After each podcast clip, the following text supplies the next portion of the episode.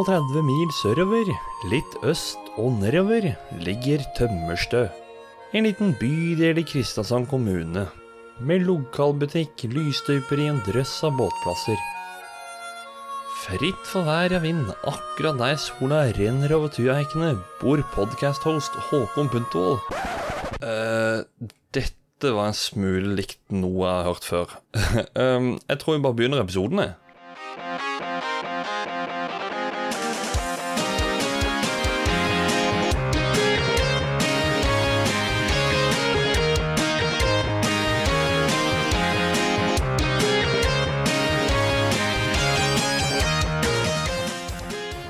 Hei, hei, og hjertelig velkommen til Spill. Mitt navn er Håkon Puntervold og skal være programleder for denne episoden. Og hver gang Jeg, jeg skjønner det ikke, men det, vi begynner altså sånn der, og det er ikke noen annen måte å begynne spillepisoder enn å introdusere seg sånn som det. I dagens episode så skal vi snakke om eh, dataspillklassikeren Flåklypa Grand Prix. Det er spillet som eh, egentlig er med å definere romjul for meg og min eh, vennegjeng i år 2000. Eh, Så om, om jeg fikk spillet sjøl til jul, det husker jeg ikke, eller om det var året etter. Men jeg vet at naboen min, Reidar, han fikk det, og jeg tror vel det var seint julaften, hvis ikke tidlig første jul da, så var det rett over, og vi var, vi var spikra foran dataskjermen hele, hele romjula. Og så eh, skapte vel egentlig en tradisjon om at eh, en så ikke bare Flåklypa på TV i jula. Det var, det var vel gjerne så å spille spillet også som ble en tradisjon til slutt. Men som vanlig så er vi ikke alene for å snakke om spill. Eh, Adrian han er ikke her. Han pleier jo alltid å være her. Men jeg har fått med meg to andre. Den første personen Funny story der er at når vi og Adrian planlegger det altså å eh, hvilken spill vi skal prate om, det gjør vi gjerne sånn halvt år i forkant. Uka etter vi hadde landet på at Flåklypa det er et spill vi er nødt til å prate om, så ble vi tagga i en tweet hvor det sto 'Hvilken podkast må jeg være bestevenn med for å snakke om Flåklypa-spillet fra 2000?' Så da ønsker vi velkommen vår nye bestevenn Alex Gisvold. Hei! Hei, tusen takk, tusen takk. Det er utrolig Ja. hyggelig å ha fått noen nye bestevenner og få lov å snakke Ja. om Flåklypa-spillet. For det er som du sier, det, det kommer tilbake og tilbake. Jeg klarer ikke å slutte å tenke på det. Og jeg får varm, varm følelse inni meg når jeg tenker tilbake på Flåklypa. Ja. Nei, det er jo en, det er en klassiker uten like. Og så var det jo utrolig gøy at du, eh, at du tenker oss i den tweeten allerede en uke etter vi hadde landa på at dette her er det vi nødt til å prate om. Jeg er IT-konsulent, altså jeg skal ikke avsløre noen metoder for hvordan jeg visste at Nei, jeg, jeg stopper der. jeg. Ja. det er nydelig, det er nydelig. Men vi er ikke, det er ikke bare meg og det. Eh, holdt jeg på å si ifra Fredrikstad, det får nesten bekrefte sjøl. Men det er i hvert fall én ut av tre fantastiske spilledåser. Hei, Lise Eriksen. Halla. Ja, det er riktig med Fredrikstad. Ja, riktig, riktig. Sarpsborg, Fredrikstad, eh, Halden der, Det er ikke helt ned der, det, det vet jeg. Men, men Fredrikstad, Sarpsborg øh, Jeg blander litt av det der. Ja, ja, men det er ikke, du er ikke alene om det. Det går helt fint. Nei. Ja. Ja. Nei, det er jo Dere har jo snakka varmt om det spillet, dere også, så da var det litt sånn Vi må, vi må ha med en av disse spillelåsene. Ja. Vi må det. Helt Ja. klart. Vi eh, alle tre, i hvert fall spesielt kanskje meg og Celine, er helt opphengt i dette spillet. Ja. Men eh, jeg må jo spørre, da, litt sånn som vi pleier å gjøre. Kan du gjerne begynne med deg, Alex. Husker du første møtet ditt? Er det noe uh, Første minne? Er det noen sånne ting du husker? Jeg husker ikke nøyaktig første gang jeg spilte det, men jeg husker at jeg ble plutselig veldig opptatt av at jeg måtte skaffe meg Flåklypa-spillet. Og jeg husker at jeg hadde det må, det må ha vært hos en eller annen venn, men jeg og en venn vi lagde en fantastisk plan om at det her skulle vi spleise på det spillet. Og, og det var liksom Ok, det var ikke så enkelt å komme opp med hva, hva kostet spillet på den tiden. 500 kroner. Jeg hadde liksom ukelønn på en 20-kroning, så Nei, spleise, det var eneste måten å få det til på. da. Og så drev jeg liksom og fortalte foreldrene mine, og jeg la en plan om hvordan jeg skulle spare opp nok penger og alt sånt, da. Så kommer det fra foreldrene mine Nei, det er ikke lov å dele spill. Det er bare én person som kan eie et spill. Og jeg, jeg, da, gikk jo hele planen i vasken. Det var helt grusomt.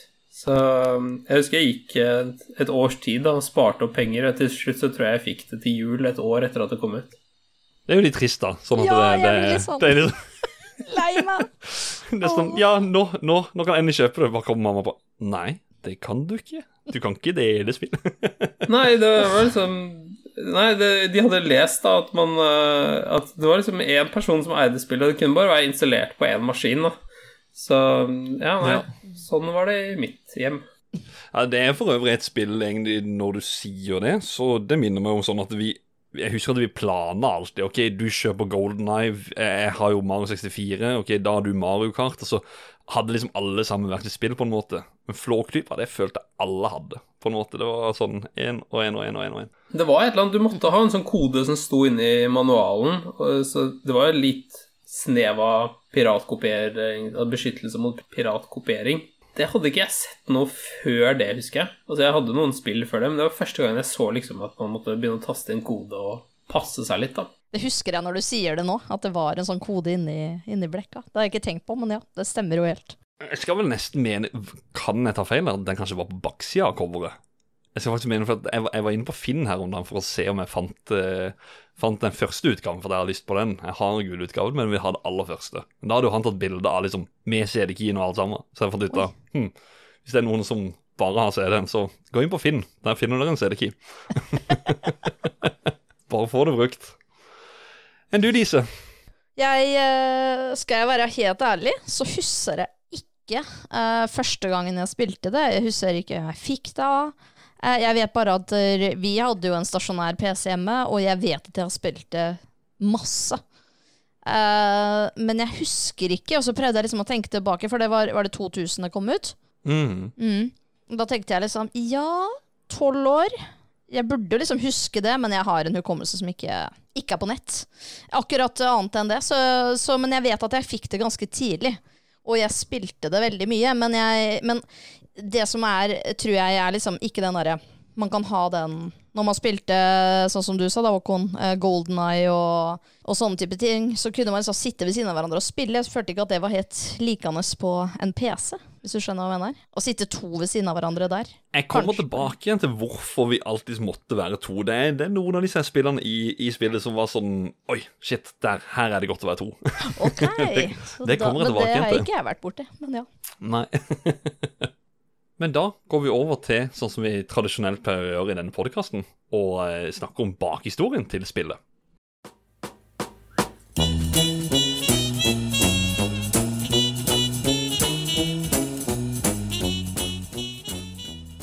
Det hele startet hos et spillfirma i Drammen som heter In Games Interactive, og ideen til spillet kom fra en person ved navn Tyre Nilsen. Tyre hadde i lang tid ønsket å lage et spill basert på Flåklypa Grand Prix, så i februar 1998 skrev han en presentasjon for spillet, som ble levert videre til filmregissør Ivo Caprino. Ivo han var ikke vanskelig til å si ja til dette. Tyr, som kreativ leder og produksjonsansvarlig, fikk da produsert 3D-moduler av karakterer som Solan, Ludvig og flere kjente fra Flåklypa. Men så var det eieren av Flåklypa-universet, Kjell Aukrust, han var ikke like tilfreds med dette. Høsten 1998 endte det i en hissig konflikt mellom Kjell og Ivo, hvor all kommunikasjon de hadde, gikk via deres advokater. Kjell ønsket ikke at karakterene fra Flåklypa skulle virre rundt på en dataskjerm. Ivo respekterte dette, og visste at Kjell nei, han var jo ikke glad i dataspill. Men kort tid etter så hadde Kjell snudd på meningen sin, så i desember 1998 ble det annonsert Flåklypa Grand Prix blir et dataspill. Men i løpet av denne tiden hadde Tyr fått en alvorlig ryggskade etter en ulykke, og måtte dessverre gi seg. Da ble prosjektet tatt over av Ivos sønn og barnebarn, Remo og Mario Caprino, og Stine Wern, under spillfirmaet Caprino Video Games. 1.12.2000 var spillet klart og lagt ut for salg i butikkene. Førsteopplaget til spillet var på 50 000, som på den tiden var mer enn noen andre norskproduserte spill noen gang hadde solgt, så dette var en storsatsing fra dag én. Helt uventet var alle disse utsolgt i rekordfart på 14 dager. Da forsto Remo fort at de hadde nådd ut til både store og små. For nå var det ikke bare barna som satt og spilte, det var hele familien. Og som coveret til spillet sier, anbefalt aldersgrense 4 til 107 år. Grunnet spillets store suksess så fikk spillet en tilleggspakke som inneholdt flere småspill. I 2002 så vinner spillet en Emma-pris i kategorien Entertainment Kids, og tok andreplass i kategori Animation. Dette feires, og spillet får enda en ny utgivelse, gullutgaven. Nå var det enda flere aktiviteter med, og nå kunne man spille spill i ekte 3D med de medfølgende 3D-brillene. En stor suksess med totalt 380 000 solgte kopier, som gjør at det fortsatt den dag i dag er Norges mest solgte dataspill blant norskproduserte. Avslutningsvis på denne spalten så ønsker jeg å lese opp en fortelling som jeg har fått tilsendt av Tyr.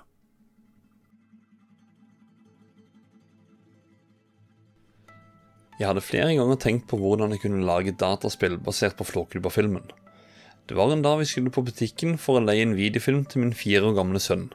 I butikken så ville sønnen min leie filmen Flåklypa Grand Prix. Da hans mor og jeg sa til han at han allerede hadde Flåklypa-filmen, og at vi kunne dra hjem for å se den, så nektet sønnen vår. Han ønsket å leie Flåklypa. Vi sa til han at han hadde sett filmen mange ganger før, men det hjalp ikke. Uansett hvordan vi formulerte oss, så mente han at denne var annerledes. Dette ble min aha-opplevelse. Vi leide videoen fra butikken, og når vi kom hjem, satt jeg på gulvet og snakket med sønnen min imens han så på Flåklypa. Jeg stilte ham masse spørsmål om alt i filmen, hvilken karakterer han likte best, hva han syntes var gøy, hva han kunne tenke seg om han var i Flåklypa. Dette likte han veldig godt, å snakke med pappa om Flåklypa-verdenen. Han pratet åpent og visste akkurat hva han mente om dette. Jeg husker veldig klart to svar fra han. Han ville leke i Flåklypa med Solan og Ludvig, og han ville kjøre Il Tempo Gigante. Når sønnen min hadde lagt seg, begynte jeg å skrive presentasjonen til Flåklypa dataspillet. Etter at mitt møte med Ivo gikk så bra som det gjorde, startet vi kontraktforhandlinger og arbeidet med spillmotoren. Jeg ledde inn to prisbelønnede gamedesignere, og som kreativ leder jobbet jeg tett sammen med dem. Siden de ikke var fra Norge, måtte jeg forklare alt rundt filmen og hvordan det ble et kulturelt fenomen i Norge, og sammen så lagde vi dataspillfundamentet. Fra Ivo så fikk jeg låne flere av dukkene fra filmen, inkludert Reodor, Solan, Emanuel, Ben Reddik og trehjulssykkelen til Solan.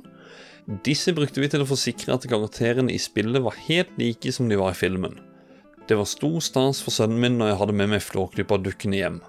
Som jeg gjorde med sønnen min, snakket jeg lenge om Flåklypa med Ivo, og spurte han de samme spørsmålene. Han var like ivrig til å snakke om det som sønnen min.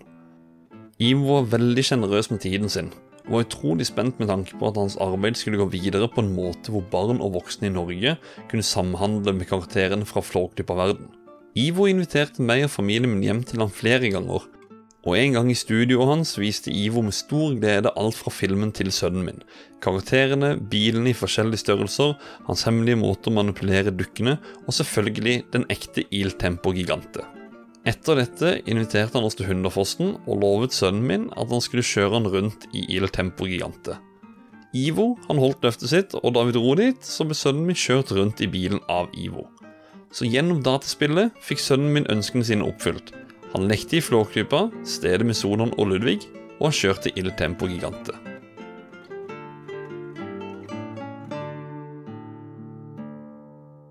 Takk for den historien, Tyr.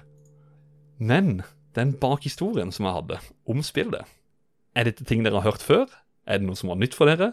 Uh, for meg så var det ganske mye nytt. Jeg visste ikke at det var en så stor hit i Norge, at det har vært det mest solgte spillet. Fantastisk. Jeg skjønner ord hvorfor det, men eh, herregud. Ja, det var jo egentlig sånn at det var de 50 000, så at de ble utsolgt på 14 dager. Det var ikke jeg klar over før jeg begynte med en grundig research rundt det. Og det er det som er med det spillet. Det er ikke så veldig mye, så det, jeg måtte virkelig grave for å finne frem all den eh, infoen her. Så det Ja. Jeg ble rett og slett litt rørt av å høre historien om eh, ja, hvordan han eh, ville lage det her til sønnen sin. Det var utrolig Ja, det var rørende, rett og slett. Jeg begynte å se for meg, se for meg hva, hvordan hadde det vært eh, for meg som barn da, hvis jeg hadde opplevd det her. Fordi jeg har både vært eh, på Kjell Aukrust-senteret og sånne ting, og jeg husker at jeg syntes jo det var helt fantastisk eh, da jeg var der. Så ja, nei, wow. Ja, det var egentlig samme følelsen jeg fikk når han sendte den historien. da. Fordi eh, det var Han fortalte meg litt om, om ideen til spillet og sånne ting, og så kommer han med, med denne historien, da. Og jeg bare Oi, det, dette, var, dette var fint. Det er jo ganske sykt at du bare får en sånn idé. Jeg satt og tenkte når du forklarte, bare å herregud, tenk om jeg liksom Det å i hele tatt være i stand da, til å sette en sånn tanke Mm. i kraft, og bare ok, når ungen la seg, så var den klar i gang, bare. Da, Ja. er du, da er du ganske god på å ja, og er løsningsorientert og engasjert, for å si det sånn. Det skal også sies at det egentlig i bakgrunnshistorien så, så sleit jeg litt med å få det inn på noe sted. Men en liten sånn fun fact om, om presentasjonen til spillet, så sto det Windows 98 og Sony PlayStation. Så det var en tanke om at det kanskje skulle komme til PlayStation. Oi. Men det var, det var jo bare altså, helt i starten, så jeg vet jo ikke om, om, om det var en videre plan, eller om det var noe han skrev for oss og bare vi, vi setter det opp her, og kanskje det kommer der òg. Men eh, det er sånn, mye sånn gøy som har poppa opp, da. Men så har vi jo spillet, da. Hva går spillet ut på? Kan jeg spørre deg, Lise? Hva går spillet Flåklypa ut? Har du lyst til å forklare? Ja, jeg kan forklare Kurt, som vi liker Ja. å si i uh, Ja. spilledåsene. Kurt. Kurt og gutt. Det er Kurt, er Kurt. Eh, Nei, også det, det handler eh, om uh, den fantastiske filmen Flåklypa Grand Prix, selvfølgelig. Uh, og vi ble jo tatt gjennom historien uh, i spillet. Eh, eller som du klarte å informere meg om i stad, Håkon, så er det ikke hele filmen, men store Nei, det er ikke av. det, faktisk. Eh, og du får bli med Solan og Ludvig eh, gjennom eh, flere forskjellige spill. Fantastiske spill. Jeg elsker jo småspill. Eh, hvor du kan vinne bildeler. Og så er jo hele poenget med spillet å bygge El Tempo Gigante. Ja. Ja. Og jeg blir rørt bare av å si det. Men ja. Ja, de ligger jo spredd rundt på, på disse her eh, scenene. For jeg tenkte jo at vi, vi må jo Denne episoden er jo litt sånn Skal vi snakke om, om scenene og spillene samtidig, eller Nei, vi måtte splitte det opp, tenkte jeg. ja. Så tenkte jeg egentlig at vi kunne ta så, bare snakke litt om de scenene, da. Mm. Og hvordan de er sånn eh, Hvordan det var å oppleve eh, sånn, hva skal jeg si, filmen ifra, ifra det perspektivet. For at det var Jøss, nå, nå er jeg faktisk i den filmen, på en måte. Det er ganske, ganske spesielt, husker jeg. Altså, jeg- liker det du sier der, Håkon, fordi for tolv år gamle meg, så var dette her Det var sånn open world-opplevelse i Flåklypa. For jeg husker, Mm. altså for, Mm. for meg så, og vennene mine, det handlet ikke om å vinne det bilracet. Det handlet om å bare rusle rundt i Flåklypa og ja, ha det moro med Solan og være bekymret sammen med Ludvig og leke oppfinner uh, sammen med Reodor. Altså, det var eh, det var det spillet handlet om, om for meg. At du, når du ikke så Flåklypa-filmen på TV, så kunne du være i Flåklypa. Det var bare sånn wow! Mm, mm.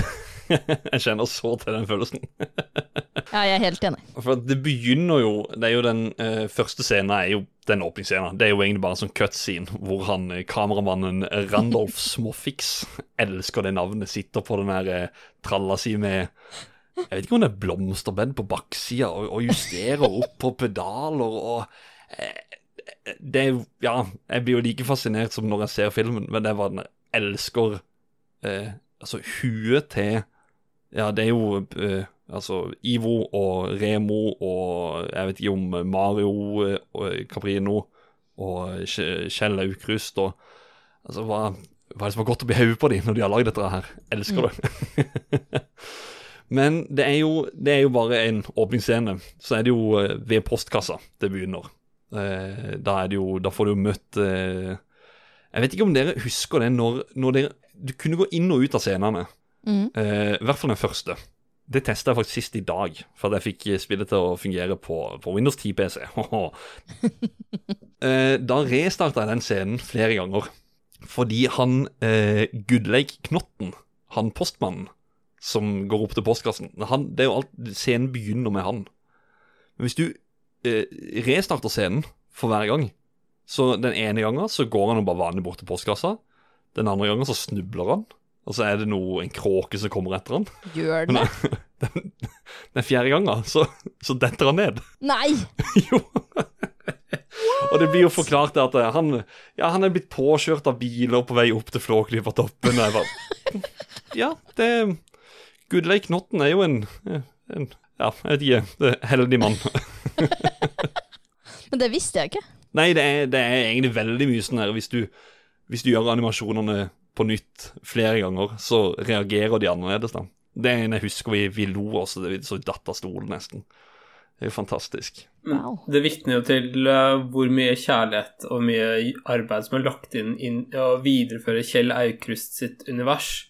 Fordi at uh, Flåklypa er jo bare et lite utdrag av alt det Kjell Aukrust lagde, og Det er kanskje der han fikk absolutt mest suksess. Så det, det er utrolig gøy å høre da, at de har på en måte virkelig, virkelig laget karakterene som, som Kjell Ja. Aukrust lagde dem. Mm. Og så er det jo de Ja, Sodan og Ludvig kommer jo frem, og de hilser på det, og så digger jeg den derre måten med, med Ludvig sånn Han er usikker på om han egentlig har lyst til å hilse på det, for han vet ikke om det er så hyggelig å, å møte det egentlig. For at han er jo egentlig ganske redd for folk. sånn eh, ah, Ikke så hyggelig, kanskje, eller er det, er det, er det Så ser han seg litt rundt, så ja, OK. Liker Ludvig. Ja, Mm. alle liker Ludvig. Det er farlig, det. Ja, er ikke det farlig, det, da? Jeg kommer tilbake igjen til den stemmen sin. For at på neste scene, da er det jo inne i stua. Det er jo ikke sånn Altså, jo, du kan trykke rundt forbi og, og, og se reaksjoner fra den eh, Hva er det, blåser på ovnen og, og, og diverse. Men det er vel også den eneste scenen hvor du Hvor du eh, må gjøre en ting for at du skal kunne gå videre i spillet. Du har egentlig kunnet bare høyreklikke og så trykke neste. Det er sånn jeg mener å huske det. Jeg skal ikke si det 100 sikkert. Men hvis du er der så må du trykke på potta. For at da sier Ludvig Å, jeg tror jeg må tisse, jeg. Og så, ja, men da vet du hvor du skal gå, sier Reodor også. Så han løper bortover stua. Å, nå er det like før! så han holder redd seg på å pisse i stua. Men det er jo det som er bra med Flåklypa. De har jo eh, en humor som liksom ikke bare går til barn, da. Det er jo det som er eh, Mm. Som jeg i hvert fall liker med det. Jeg tror det er en av grunnene til at fremdeles ser, ser på det. At det, det er fremdeles morsomt. Det, var morsomt. Ja. det er morsomt på en annen måte enn det det var når du er barn. Og det er klart at de som lager eh, serier for barn i dag, de tenker jo på den måten. eh, at de, det skal være gøy Ja. for voksne som er tvunget til å se på det også. Så Mm. Så husker jeg da, er det jo scenen etter Eller er det noe dere har lyst til å snakke om i, i, i stua der? Er det noe Jeg syns jo han, eh, han han elgen med øya er ganske fascinerende, men det, bortsett fra det, så er det ganske greit. Ja, det er i TV-stua, det. Det er, Det er TV-stua, de, ja. ja, det er noe Det er i feil stue. Ja, ja, ja, det er feil scene. vi kommer til den. men, men vi skal ikke være låst på én og én scene, altså. Det skal vi ikke. Men eh, eh, for å bare nevne neste, da. Når du er ute i hagen til Ludvig, da. det husker jeg at jeg var alltid så fascinert når filmen Når de starter dagen. Og de, de går rundt og liksom trykker på knappene, og det og det og det begynner å jobbe. Eh, jeg var alltid Jeg lurte så sykt på hvordan skal de gjøre det derre eh, Du hadde den der tremaskinen som lagde de bitte små, tynne pinnene, for eksempel. Stemmer. Når du kunne trykke på den, og du så at den jobba og sånt, jeg bare Det er jo som å se i filmen! det var da jeg fikk liksom den skikkelig Wow! Nå Nå er jeg i Flåklypa. Det er jo det som er kult med de scenene, og som gjør at det spillet er Nå kommer jeg jo til å avsløre at jeg liker filmen, eller liker spillet. Mm. Fordi eh, det jeg liker med alle de scenene, er jo at man interaktivt kan ta en del av, av spillet og av filmen på en måte så du liksom får lov til å gjøre noe sjøl. Det er jo det jeg liker. Du får liksom utforske den der kreativiteten som Kjell Aukrust har, og det er liksom den Alt det derre oppfinner. For det, mitt drømmeyrke når jeg var liten, det var jo å bli oppfinner. Ja. Så det å liksom få lov til å bare trykke og reparere ting, og bare ah, være der inne Mm. Det var jo liksom det som gjorde at du kunne Jeg er jo helt enig med det øh, du sa i stad, Alex, det her med at det liksom Det er ikke det å, å ta det bilracet som er poenget med spillet i det hele tatt. Å vinne bilracet. Det er jo det å bare få lov til å bruke mange timer i spillet. Mm. Det å være i Flåklypa. Ja. Så det er jo Ja, jeg ble litt sånn engasjert når du sa det med den pinnemaskinen, for det Ja. det er litt som Jeg er eh. Jeg husker, jeg husker jeg så Wallace and Gromit-filmene flere ganger. Og der er det jo litt sånn man kan dra litt sånn sammenligninger mellom uh, maskinene i de filmene og maskinene som Reodor Felgen lager. Og jeg husker at det er liksom bare å få lov å trykke og starte de maskinene og liksom tenke sånn Å, det her kan jeg lage! Og så liksom, begynner du å se inn i hodet ditt alle tegningene, og å, det her Å, nå fikk jeg en idé for uh, for uh, hva jeg skal bygge Jeg skal, jeg skal bygge en, den maskinen her som skal bruke en strikk som skal fange en mus.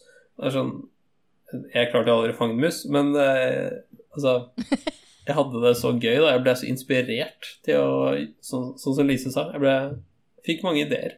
Jeg hadde jo også en sånn greie med dette her med den oppfinnergreia. Eh, jeg husker at vi fant en sånn ehm, jeg, vet, ikke- jeg vet ikke hva det var for noe, men eh, vi har flere i klassen som hadde fått ut en sånn gamle leker, sånn som du eh, motorisert sånn som de Du trykka på de, og så kjørte de av seg sjøl, typisk.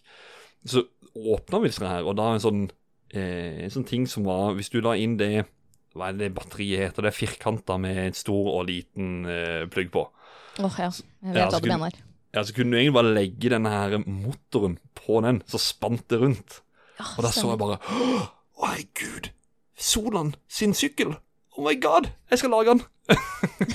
så vi var super intrigued over liksom, ja, vi skulle ta oss og lage den sykkelen til Solan, og jeg fant jo fort ut at den, den bitte lille motoren her, den, den gjør ikke susen. Men eh, tanken var der i hvert fall. Med at vi, vi skulle være litt oppfinnsomme. Jeg tror det kan ha inspirert mange. eh, akkurat den derre Ja, til å bare prøve å utforske ting og lage ting. Så ma mange år etterpå så har jeg blitt ingeniør, og hvem vet, kanskje det var fordi at jeg satt og lagde Reodor Felgen-maskina da jeg var tolv år gammel. Ja, det er fort gjort. Det er fort gjort. Men så er det Ja, du er ute på tunet. Uh, ja, det er litt som i Ludvigs hage. Du er på utsida og, og bare ser uh, huset med alt som uh, settes i gang, og ja Scenen etter der er TV-stua, hvor du da nevnte elgen, Ja. Det var der jeg var litt tidlig ute. Ja. Jeg var veldig imponert av den elgen. Ja. Men, men husker, husker du hva som skjedde hvis du trykka på godteriet? På lakris, lakrisbåta Da kan ikke jeg få lakrisbåtella Og jeg liker da at Reodor bare Nei, nå har du fått nok. Er Ja. Nå er det nok eh, lakrisbåt, eh, ja. Ludvig. Det hadde sikkert jeg fått òg. Jeg er veldig glad i lakrisbåter. ja det, det er vel for øvrig et godteri jeg har spist på grunn av filmen. Er det det? Ja, det er ikke noe, det er ikke noe annen grunn, egentlig. Lakrisbåter er liksom ikke noe jeg har eh, Det er noe jeg gjerne fant i skap til, til, til mormor. Det var, ikke noe, det var ikke noe jeg hadde hjemme. Nei, det, altså jeg skal si det, jeg tror ikke jeg har kjøpt så mye selv, men mamma alltid spiste. Så det Ja. Går det til kategorien som camphordrops? Ja, det gjør Ja. nok det. Men nå fikk jeg jo lyst på lakrisbåter. Jeg skulle ønske jeg hadde kjøpt inn til anledninga. Ja, ja det Jeg tror vi må spille inn til etter klokken 11, sånn at jeg ikke løper ned på butikken og kjøper lakrisbåter etterpå. vi, vi tar en pause nå, og så bare løper vi på butikken alle sammen. Ja. Nei, for at det er det, når du trykker på godteriet jeg tror, jeg, jeg tror det, da. Hvis ikke, så er det når du trykker på Solan. Så er det at han spiser Og det er jo der jeg snakker om det, at det, hvis det gjentar seg flere ganger, hvis du gjør en action flere ganger Så hvis han For han kaster jo opp godteriet, og så åpner han munnen og liksom spiser sånn, da. Men eh, gjør du det mange ganger nok, så tar elgen ut tunga og Nei. spiser den lakrisbåten. Åh, Den husker jeg veldig godt. Det er sånn herre Oi, shit! Han gjorde det? Nei, vent da. Trykk, trykk flere ganger nå. Trykk, trykk, trykk. What?! Elgen!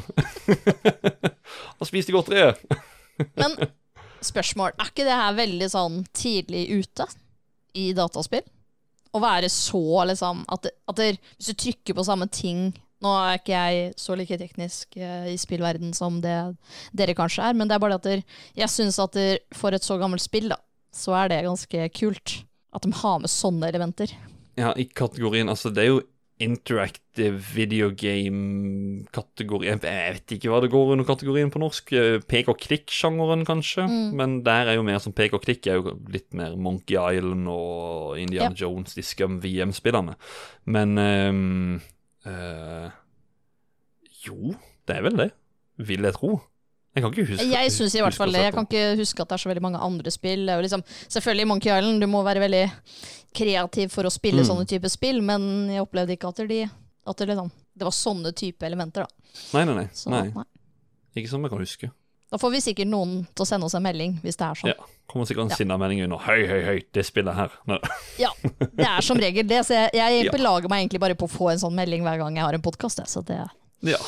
ja, er like greit. Jeg kan eh, ta den meldingen nå med en gang, jeg. For jeg husker Jeg hørte Ja. akkurat på siste episode av CD Spill, som eh, også er en favorittpodkast på min telefon.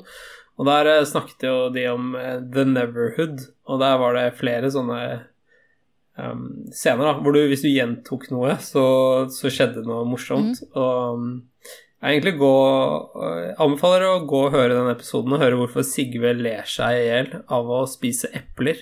Å ja. Det er notert. For en vren podkast jeg har gjesta i før. Eh, Både meg og Alex har gjesta der før. Det går og sjekk det ut. Gode venner av både meg og Adrian og Alex. Da skal jeg sjekke ut det. Mm. Det må du. Mhm. Så en gjen, humor gjennom gjentakelse, det det, det at det eksisterer i spill, er, det har jo eksistert i eh, vanlig ute i humorens verden i lang tid. Så det Mm. Mm. Men scenen etterpå, da, så er det jo inn til verkstedet. Og da, da, da skal jeg jo selvfølgelig si eh, For de, de hører jo at han Blodstrupemoen eh, det- har liksom en, en ting på, på bilen sin da som bare Ja, nei, det er jo plantegn, plantegninger. Så da må de utfordre han, og så er det jo det Nå må du ut i, i verkstedet ser han de finner noe. Og da sier selvfølgelig Ludvig Å nei! Ikke nå! For han er jo livredd, som alltid.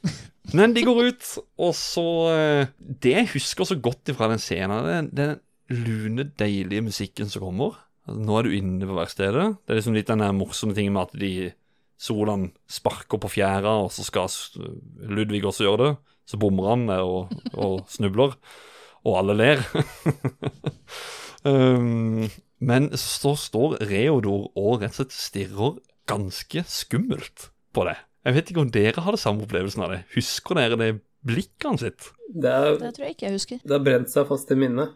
Ja, han, han, han står med hendene i lomma og bare puster tungt. Og så, Har så et intenst blikk på deg. ja, han har et veldig intenst blikk. Ja, nei, det var litt sånn Hva, hva er det du forventer av meg? Skal jeg, skal jeg fange blodstrupmoen, eller skal jeg bygge hvilen din, eller hva, hva er det du vil? Han er litt sånn eh, Ja, det er en creepy, creepy look. Etter der er det Solan på tokt, som skal ut og, ut og kjøre bil. Nei, kjøre trehjulssykkel med propell, som jeg hadde så lyst til å lage når jeg gikk på barneskolen. Eh, som det selvfølgelig ikke ble noen ting av. Eh, det er jo egentlig bare en enkel cutscene, det også, uh, hvor du får uh, Du får et spørsmål om du har lyst til å reise ned sammen med uh, med Solan og, og kjøre dette kjørespillet, eller om du bare har lyst til å bare hoppe rett ned. Så er det å være foran sjeiken sitt telt, eller han sjeik Benredik Fyfasan. Og eh, den scenen er ganske annerledes enn hva originalen er. For at originalen er jo det at Solan går jo bort og kikker, og så blir han kasta vekk. Men Stemmer. her har de jo animert inn det ene etter det andre. At uh, først så blir han vel tatt tak i og kasta, og så går de, prøver han å gå bort igjen. Men da hopper han oppi en krukke, og så går Emanuel Desperado bort og sjekker i krukka. Nei, så hopper han opp av den andre krukka på andre sida. Sånn Looney Tunes, på en måte. Det er sånn, ja Uten en annen verden. Det tyder på at de bare har hatt det gøy når de har laget det der. Altså typ Sikkert begrenset antall scener, altså, men heller lagt innsatsen i å ha det morsomt i hver scene. Da. Legge inn detaljer og, og morsomheter, sånn som vi har snakket om. Ja, for Jeg vet ikke om det er det at du må bare prøve flere ganger, og så gå frem, eh, for å så til slutt da komme over til scenen til, til shaken, da. Om det er åssen en aktiverer neste scene, eller om du bare trykker neste, eller hva det er for noe. det Ja, det er litt ja, for det er litt vanskelig å huske, for det, det er ganske lenge siden jeg har spilt spillet, så jeg sitter og gleder meg i hjel til at det kommer ut på nytt nå, ikke sant. Så det ja. Jeg kjenner jo at vi skal ta en prat eh, ikke om så veldig lenge igjen, eh, Håkon. Ja, det, det skal vi. Da skal vi i hvert fall snakke om Men da kan jeg være mye mer deltakende. Men jeg syns det er ganske morsomt den her, for jeg så litt i stad på noen sånn filmer og sånn, og der driver jo bare han Solan og kødder og hopper opp på den senga, og frukta flyter, og det er Ja. Og Ja. han får ikke med seg noen ting og er irritert. Det er jo Yes. Ja. Det deilige der er jo også de har, Det deilige er jo at de har med stemmen til Harald Eide Steen jr., som har den uh, herlige apelyden. Mm. Tenk at det er Dynamitt-Harry som, uh, som lager de lydene. Hadde han bare Bare gjort de det. er jo gull. Ja, ja, det er akkurat det. Ja. Uh, Så etterpå så er det jo inne i Shakens sitt telt, hvor uh, Emanuel Desperado er en idiot. Du kaster kon eh, konstruktør fra min telt. Uh, du er superhue og, og diverse. Det her jeg tror faktisk er liksom de setningene jeg husker best fra den filmen. Ja, det er, jeg, jeg, tror, er- jeg tror sjeiken har sittet uh, størst minne til, til altså, Eller av, av replikker, så tror jeg folk husker sånn 90% av det han sier. Mm. Det er legendarisk. Altså, n- når eh, Flåklypa kommer på i juletidene hjemme i familiehjemmet, så, så Du kan nesten skru av lyden, og så bare la sofaen stå for, eh, stå for stemmene, Yes. fordi Mm. folk husker Ja. det her så godt. Og det er like koselig hver gang. Det er det. det er det. Kjøra, kjøra, ferdig norsk hengebro. Kjøra, tempo! Farlig norsk hengebru, den tror jeg er eh, jaggu den Ja, det er den jeg sier mest av sitater. Og når jeg sa det, så er det egentlig det som er siste delen. Det er der spillet stopper, fordi at uh, der er det jo De finner ut av på, på TV-en, sånn som i filmen, så er det jo at uh, Reodor Felgen er den som er liksom uh, illustratøren for den, den her vakre Il Tempo-gigantet. Mm. Så kjører de opp, og da er det FMV-sekvenser. Sånn det, Jeg vet ikke hvordan det var produsert før i tida, men kvaliteten er jo så horribel dårlig. Det er så kornete at det er helt vilt. Så de har fått skvist inn bitte grann ifra den kjøra, kjøra, faen i norsk hingebro, kjør et tempo. Og at de står oppe hos Reodor Felgen og sier 'jeg maser penger, du rocker block'. så når, når de har sagt det, så er det rett og slett å bygge bilen som gjenstår. Og da er det jo også å gå igjen og spille på nytt og på nytt. Eller se, har du plukka med deg alle, eh, alle bildelene og, og den slags, da. Har dere plukka alle bildelene? Eh, ja, jeg skal vel mene 100% Jeg vet ikke om den gullutgaven. Om jeg faktisk gjorde det 100% der. Mm. Så jeg vet Du, Alex? Ja, vi vet, jeg vet vi skal snakke litt om um, speedruns, men for meg og vennene mine, som jeg sa innledningsvis, du må huske at vi fikk jo et nytt spill eh, Det var til bursdag, det var til jul. Så altså Vi har plukket eh, med oss alle bildelene mange ganger, og vi har selvfølgelig prøvd å vinne bilracer med så få bildeler som er mulig, og så det er ikke en måte på hva vi har gjort i Flåklypa-spillet, fordi vi hadde jo ikke annet å spille. Altså, Helt til vi fikk Nei, det- Diablo 2. Ja, ja, ikke sant. ikke sant Nei, Det eneste spillet jeg husker mellom, mellom Flåklypa og, og neste jul eh, Jeg har jo bursdag i desember, så det, for meg så er det spill en gang i året. Men da fikk jo jeg Gameboy uh, Game Boy Advance og Rayman Advance, husker jeg, den jula der. Så, eh, Men eh, det var Flåklypa det gikk i. Og i hvert fall 100% en gang her og en gang der. Men naboen min, som jeg nevnte innledningsvis, Reidar, han klarte aldri spillet 100% Og hvorfor? Det kan jeg fortelle om etterpå når vi kommer inn i det ene spillet. Mm. Fordi det er jo det vi skal snakke om nå. Minispillene som er spredd rundt. Eh, yes! Men det er mye å velge mellom. Lise, du sitter og gnikker hender, og hva, Ja. hvilket spill har du lyst til å nevne først? Vet du hva, jeg, tror, du hva? jeg skal droppe postsorteringsspillet. For jeg tror det er ja men, ja, men det er jo Vi må vel si det, og vi må vel godkjenne at Eller liksom eh, anerkjenne at det er vel det mest populære sp- minispillet de har klart. Ja. Så jeg tenker at jeg skal droppe den, og så skal jeg gå på min um, andre favoritt, og det var jo sykkelreparasjon. Of course. Ja. Fy flate. Men altså, bare generelt minispilla i det spillet her. Fra en som har vært eh, super eh, Mario Party-fan gjennom tidene, og liksom eh, Pokémon Stadium-fan. Altså, det har jeg bare vært sånn minispill, minispill, bli bedre, slå seg sjøl, slå seg sjøl. Det er liksom Mhm. sånn, sånn småspill, så er det, det Det er jo det som gjør hele det spillet her. Um, så sykkelverksted, ja. Det har jeg Der har jeg brukt mange timer. Det husker jeg kunne være litt frustrerende i lengden. Litt frustrerende. Det er det- helt forferdelig. Ja, for det var jo Altså, de bilderørsskjermene som vi satt med på den tida Må tenke sånn da, at hvis du ser på en film av spillet nå, så er det mye enklere å se. Du må tenke Vi satt med bilderørs eh, Altså CRT-skjermer. Da er det litt mer kornete bilde. Så det å se om det er en bitte liten skade på de syklene, og hvilken del som mangler, det er ikke alltid like lett. Så det var flere ganger vi hadde de tre plattformene hvor det sto liksom OK, hvilken lille del er det som er ødelagt her? Ah, Helsike heller, driver og drar og flytter og Så, nei, game over. Ja, men Det var kanskje det jeg likte veldig godt med det. da. Og så er det liksom noe med de der sykkelsetene, og så er det liksom bagasjebrettet. Det er så mange deler. Og så husker jeg egentlig at jeg hadde litt lyst til å ha et eget sykkelverksted sjøl. Jeg syns det var litt gøy, da. Mm. Jeg tror det er noe med det at det, det, det, det bare Det er så veldig enkelt og noe som jeg kan relatere til. Typisk å ødelegge kjedet på sykkelen, og så Ja. ja. Et lite mekkehjørne, rett og slett. Ja. ja. Det er veldig gøy. Mm. Så det var egentlig Jeg tror det er den Bortsett fra postsorteringsspillet, så er det nok en god, god toer. ja. Mm. Og du, Alex, er det noe spill du tenker på først nå? Altså, selvfølgelig postsorteringen. Men uh, for å snakke Mm. om et litt annet minnespill, da, så Det er ikke det minnespillet som er morsomst, men uh, Emanuels utfordring, som det heter i spillet, da han sitter med de koppene og Ikke sant Uh, Hvor er ballen? Mikser rundt uh, mellom koppene. Det, Jeg husker at jeg var usedvanlig god på det. Så jeg hadde en venn som første gang han spilte gjennom spillet, så var det sånn Ja, vil du bli med hjem i dag, eller? Vi spiller Flåklypa. Ja, ja, ja, ja. Og det var jo selvfølgelig Det var selvfølgelig fordi at han ikke klarte den på gull, da. Eh, Så han måtte ha hjelp Ja. fra meg.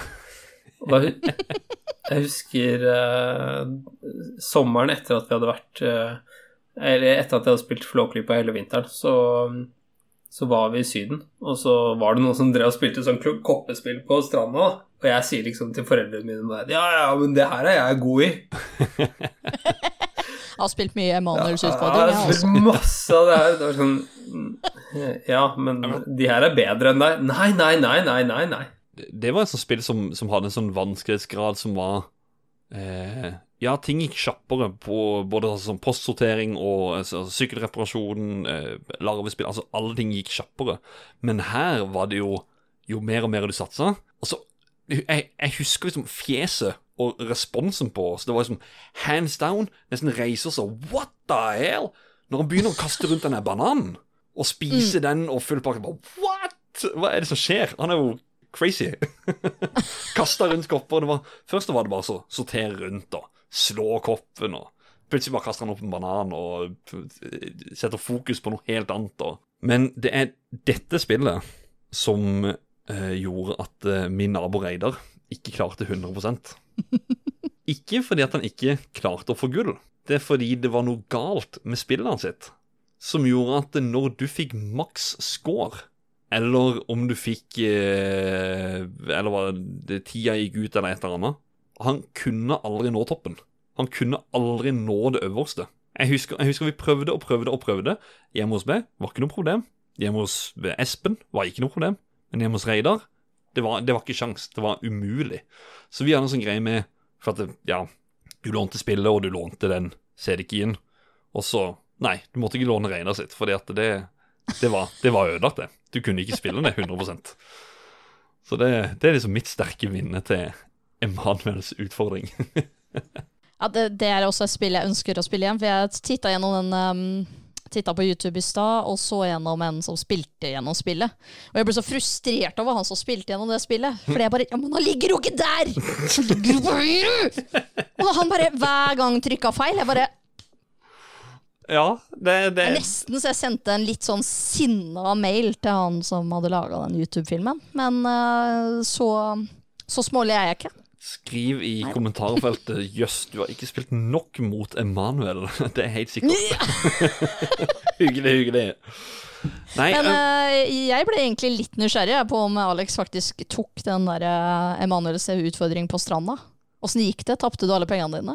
Altså, jeg tror foreldrene mine var strenge nok til å si at jeg ikke fikk lov å spille, og så var jeg sikkert kjempesur. Eh, Smart. Smarte foreldre. Ja, eh, det var, det var nok smart, ja. Men det spillet her var jo blant eh, Det var vel to stykk, tror jeg, som kom ut på, eh, på iPhone. Og dette var et av de. Det var dette og Ja. postsorteringsspillet, tror jeg. Jeg vet, jeg vet ikke om Ludvigs labyrint var med der, men, men jeg husker dette her og postsorteringa var med. I hvert fall på iPhone. Jeg vet at postsorteringa var med, men jeg husker ikke den Emanuel. Men det kan nok gå godt hende. Ja. Så jeg retter bare et spørsmål til de som jobber i Caprino Games, eller hva nå enn, eh, som har noe som helst med dette spillet å gjøre. Hvis det er noe dere hører på, kan dere bare lansere det på nytt på telefoner. Hvorfor fjerner dere det? Det har jeg lyst til å ha på mobil igjen. Ja, det er ikke, jeg, kan ikke, jeg skal ikke anbefale postsorteringsspillet på iPad eh, på senga. For det, det er ikke sovemedisin. Det er Nei. alltid sovemedisin. Ja. Det er også ikke hyggelig for samboer. Nei. Helvete! Jeg tror det var der det startet for min del, at, jeg hadde, at eh, jeg, jeg hadde lyst til å laste ned disse her på iPad, og så tror jeg de, de var sånn jeg klarte å søke, søke de opp, og så var de gått ut. Og da gikk jeg til Twitter og skrev 'Hvem er det jeg kan snakke, bli bestevenn med?' For da sånn, Jeg får ikke lastet ned det her. Nei, du må ha IOS 8 eller et eller annet. Ikke sant? Sånn, Ja, ok.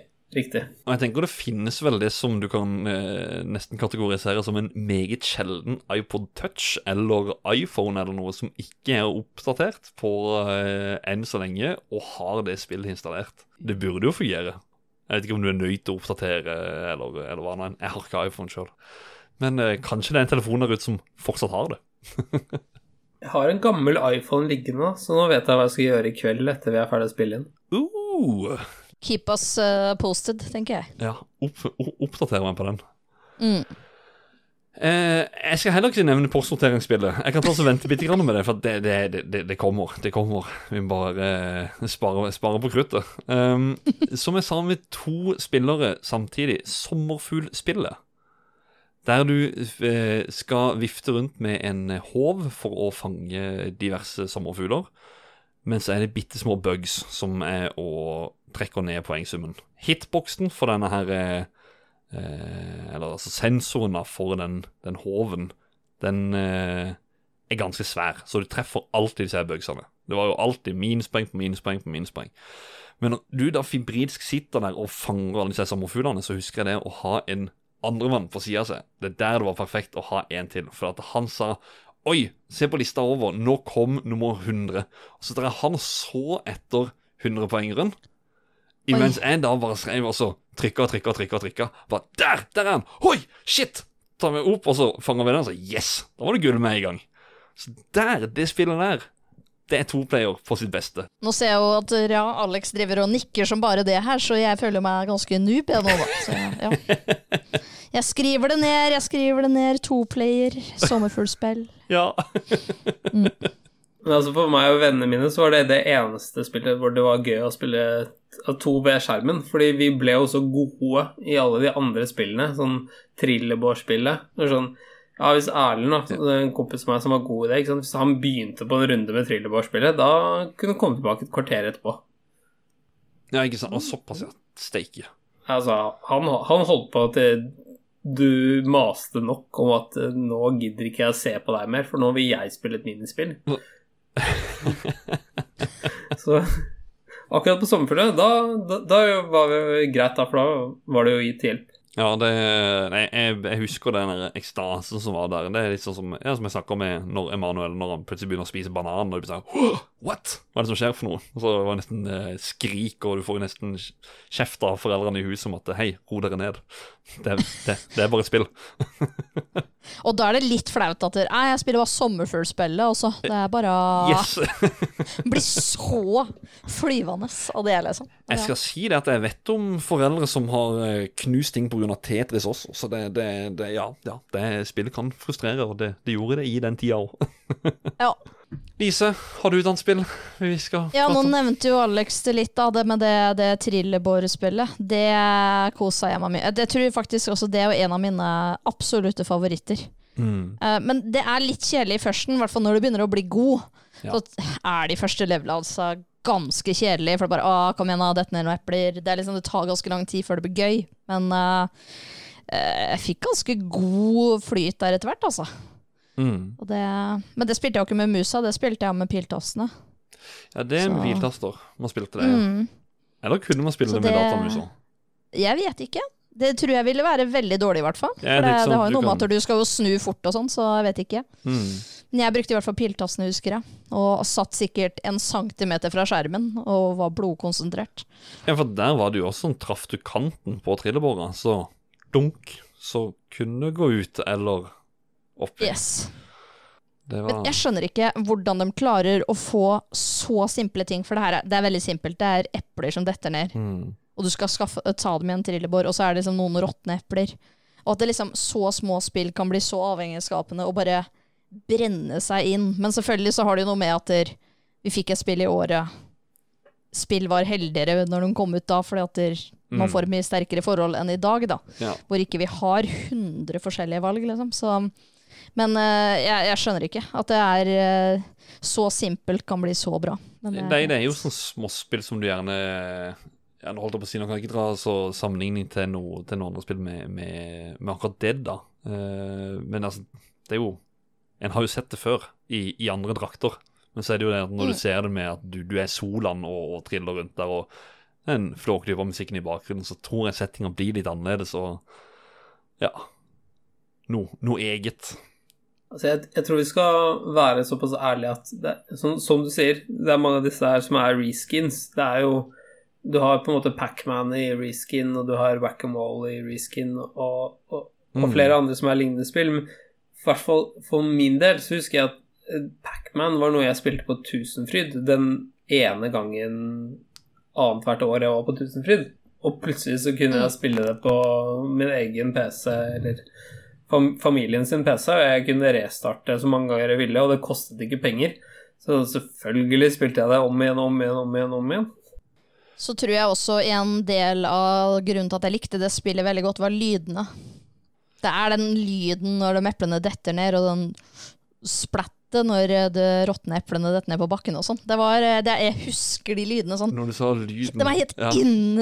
Innprenta i huet på meg, akkurat det, det minigamet der. Jeg husker den der når, Eller når du, når du helte alle eplene oppi, oppi den eh, sekken, var det det?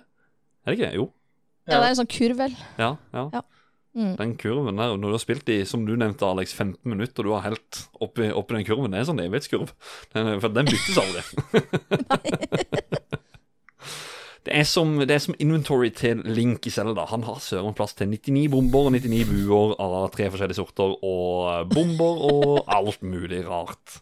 Har du et spill til du vil nevne, Alex, eller eh, Altså, det er litt sånn Oljespillet husker jeg Det var mye Det var gøy.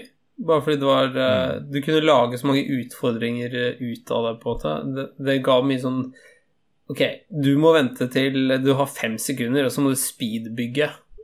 Eh, Det var ikke så gøy egentlig i seg selv, det spillet, men det var veldig sånn Vi utfordret hverandre til å tenke på kreative løsninger og, og tenke på nye måter, da. Som gjorde at vi hadde det Mm. litt sånn gøy med det. Og så, så jobbet uh, faren til en venn av meg han jobbet i Hydro, så han syntes jo det var kjempegøy at vi var interessert i olje òg. Så Ja, ja, for det husker jeg. Det er jo en sånn Ja, som du sa med whack-a-mole, og du, du har sett det før.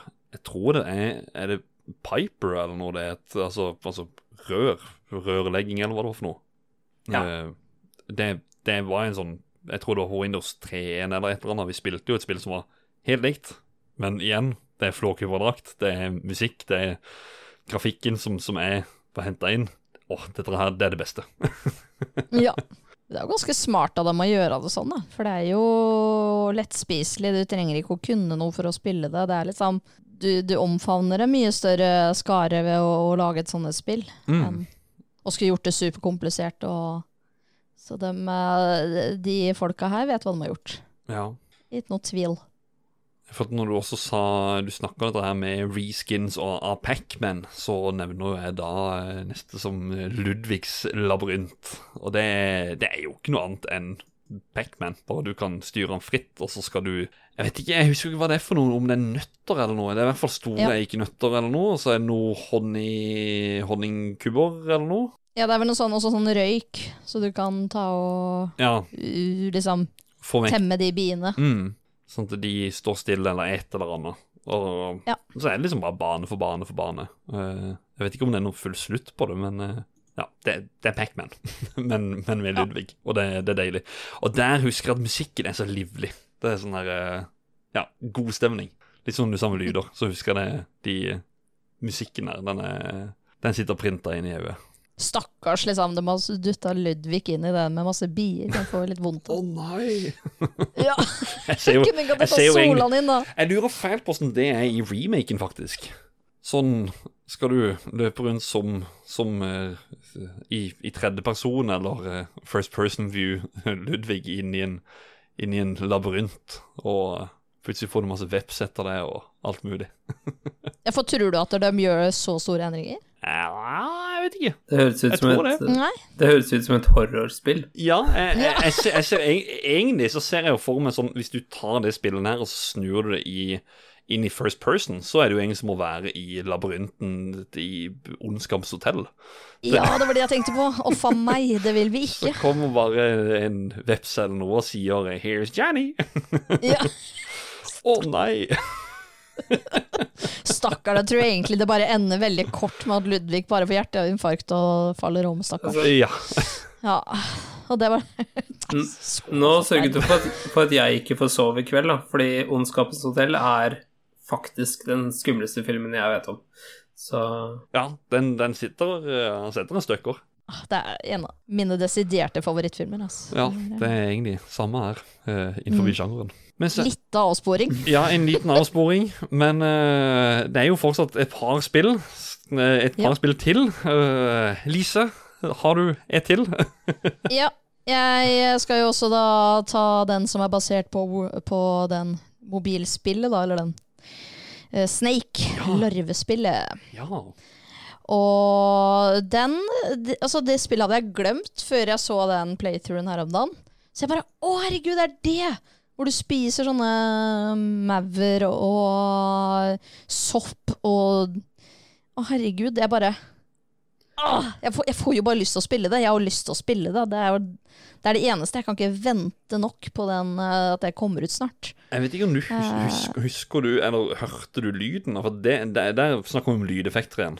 Jeg husker Ja. så godt når du eh, Jeg vet ikke om det var alle soppene. Det var i hvert fall for at du kunne skyte noe sånn der, eh, Det er en, sånn, det er en sopp du spiste, og så kunne du skyte ut kuler.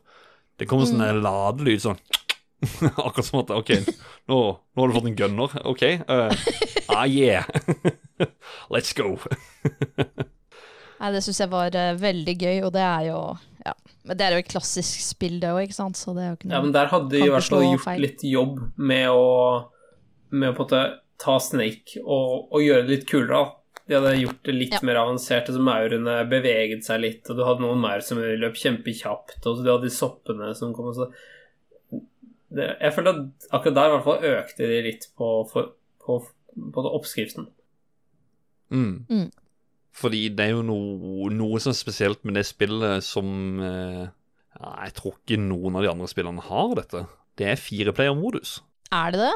I did not know. Det er under på bunnen her, så har du Du er grønn, eh, rød, blå og gul, tror jeg det. Og så måtte du trykke liksom Trykk to for å være med, en trykk tre eller trykk fire.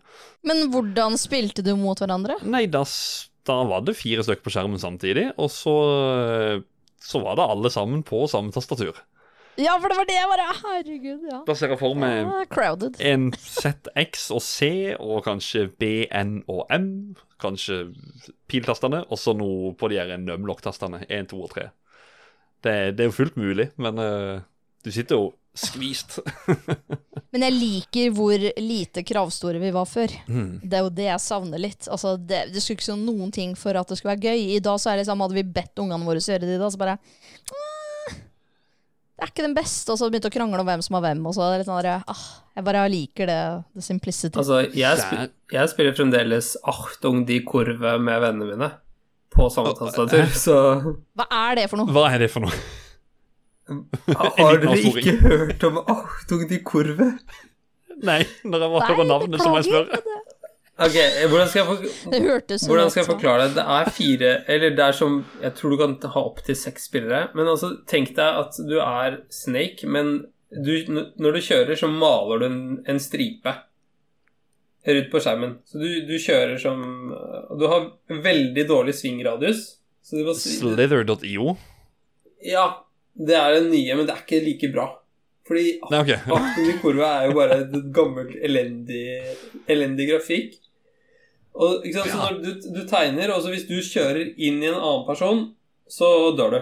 Så det er jo på en måte Du kommer der, og jeg prøver å kurve rundt deg, men du prøver å kurve rundt meg igjen, ikke sant. Og så Ja. prøver du å sperre de andre, og det er gøy den dag i dag, altså. Ja, her er det.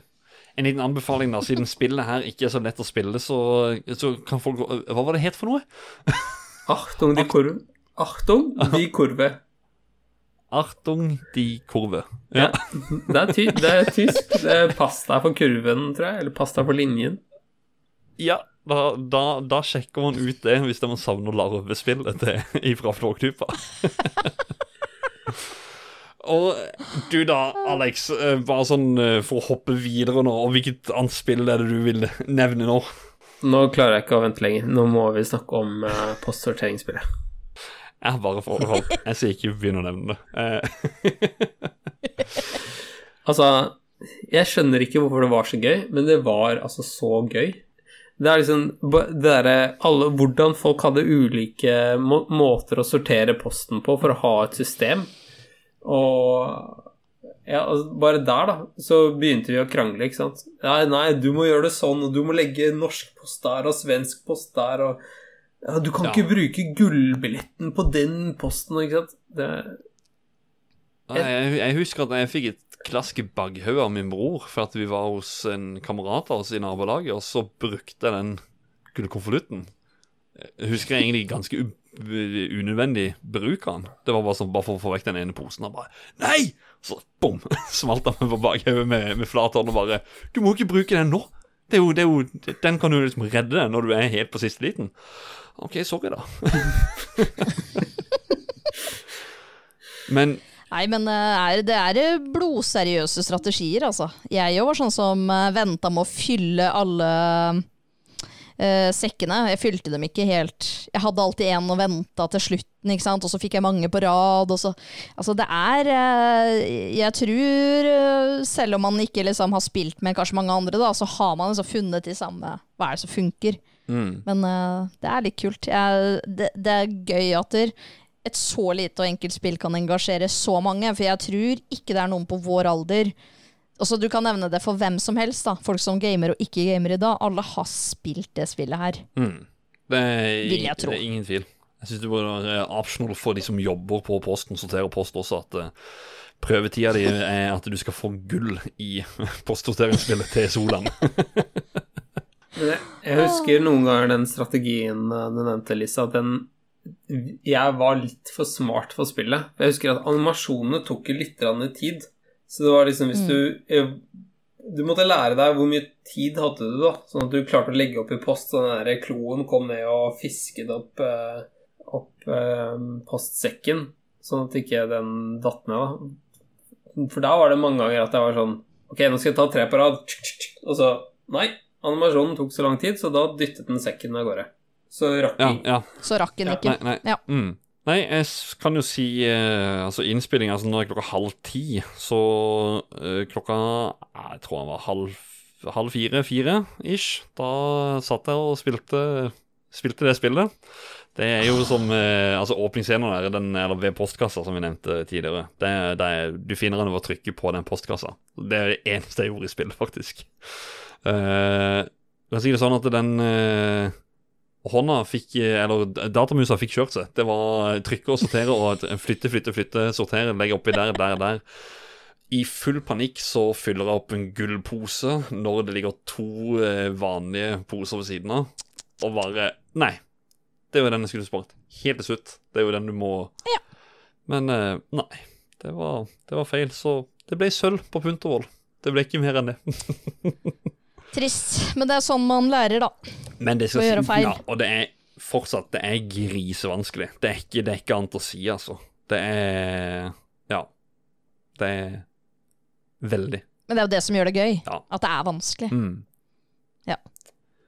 Så hvis vi skal gjøre en liten callback til for fem minutter siden, når vi snakket om eh, Ondskapens hotell, så Ja. det var jo en slags skrekkscene når fjeset til Solan dukket opp inni, inni der. Du, du har ikke kontroll i det hele tatt på posten og så kommer Solan, og så bare smiler han og kaster mer post på deg.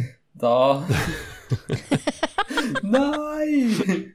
Det er liksom Hvis det er Kari Simonsen, uh, som har stemmen til, til Solan, da bare titter opp i luka der og bare 'Her er Solan!' Jeg husker Han suste jo forbi med disse her rakettføttene sine. De, han fløy jo forbi av og til, så han skremte jo vettet av det. Det var sånn 'Å, shit'. Og så 'Nei, det gikk fint'. Og så 'Å nei, nå kommer Å nei'.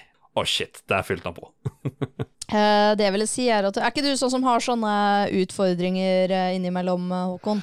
Sånn spillutfordringer? Jo, jeg har hatt denne spilleklubben som vi har nevnt før i podkasten. Den er litt på pause, men eh, Ja. Men har du en Men utfordring? jeg tenker i hvert fall at eh, vi, vi tre i hvert fall kan jo utfordre når det kommer ut, da. Mm.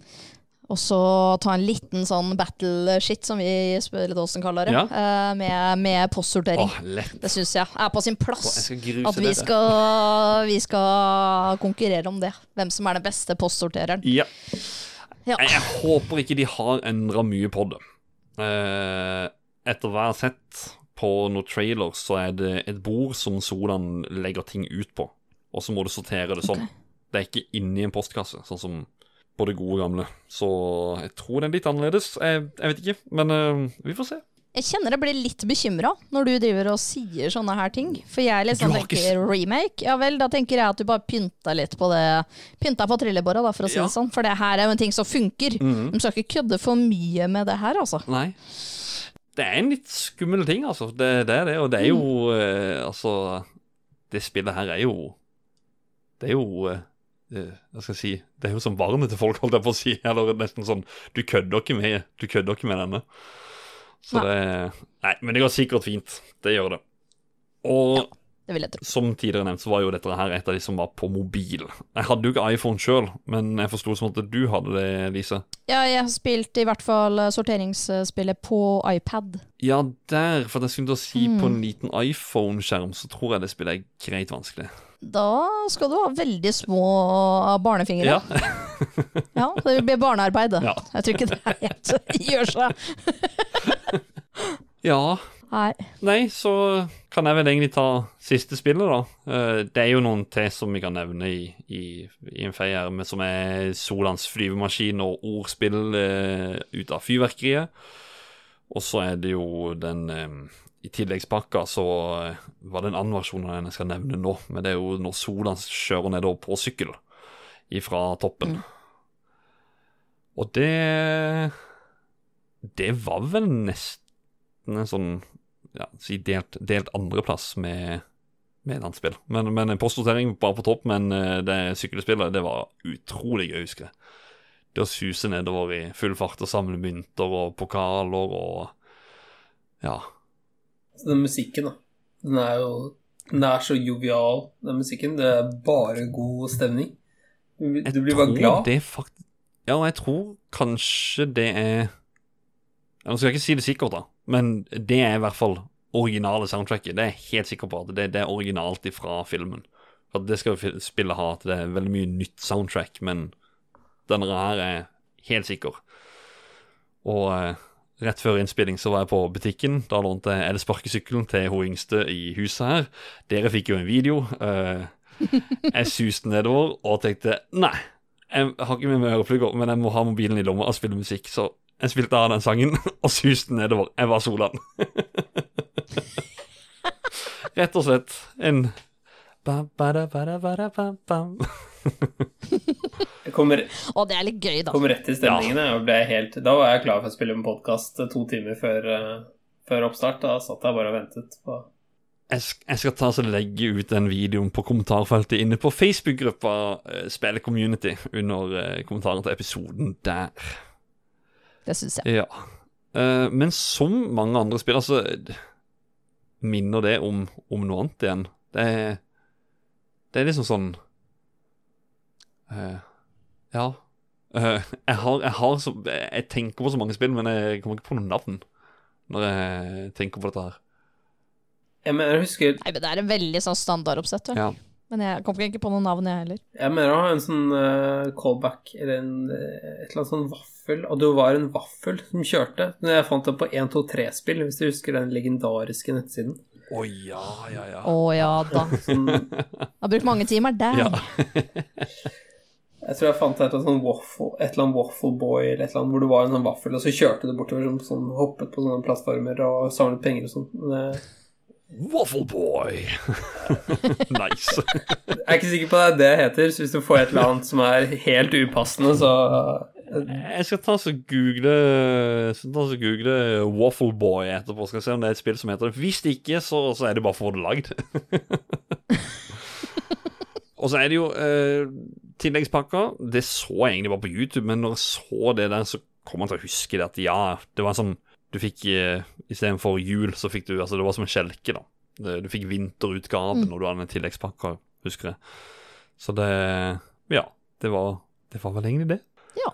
Det var minispillene, foruten om det aller siste, som er når du på en måte har bygd bilen, eller underveis om du bygger bilen, så kan du jo kjøre det. Det er jo bilspillet. Og Ja. det, er, det er så galt. Hver gang jeg ser det bilspillet, så ser jeg et annet spill som ikke er et bilspill, men okay. som du kan kjøre bil. Og du kan kjøre over ting.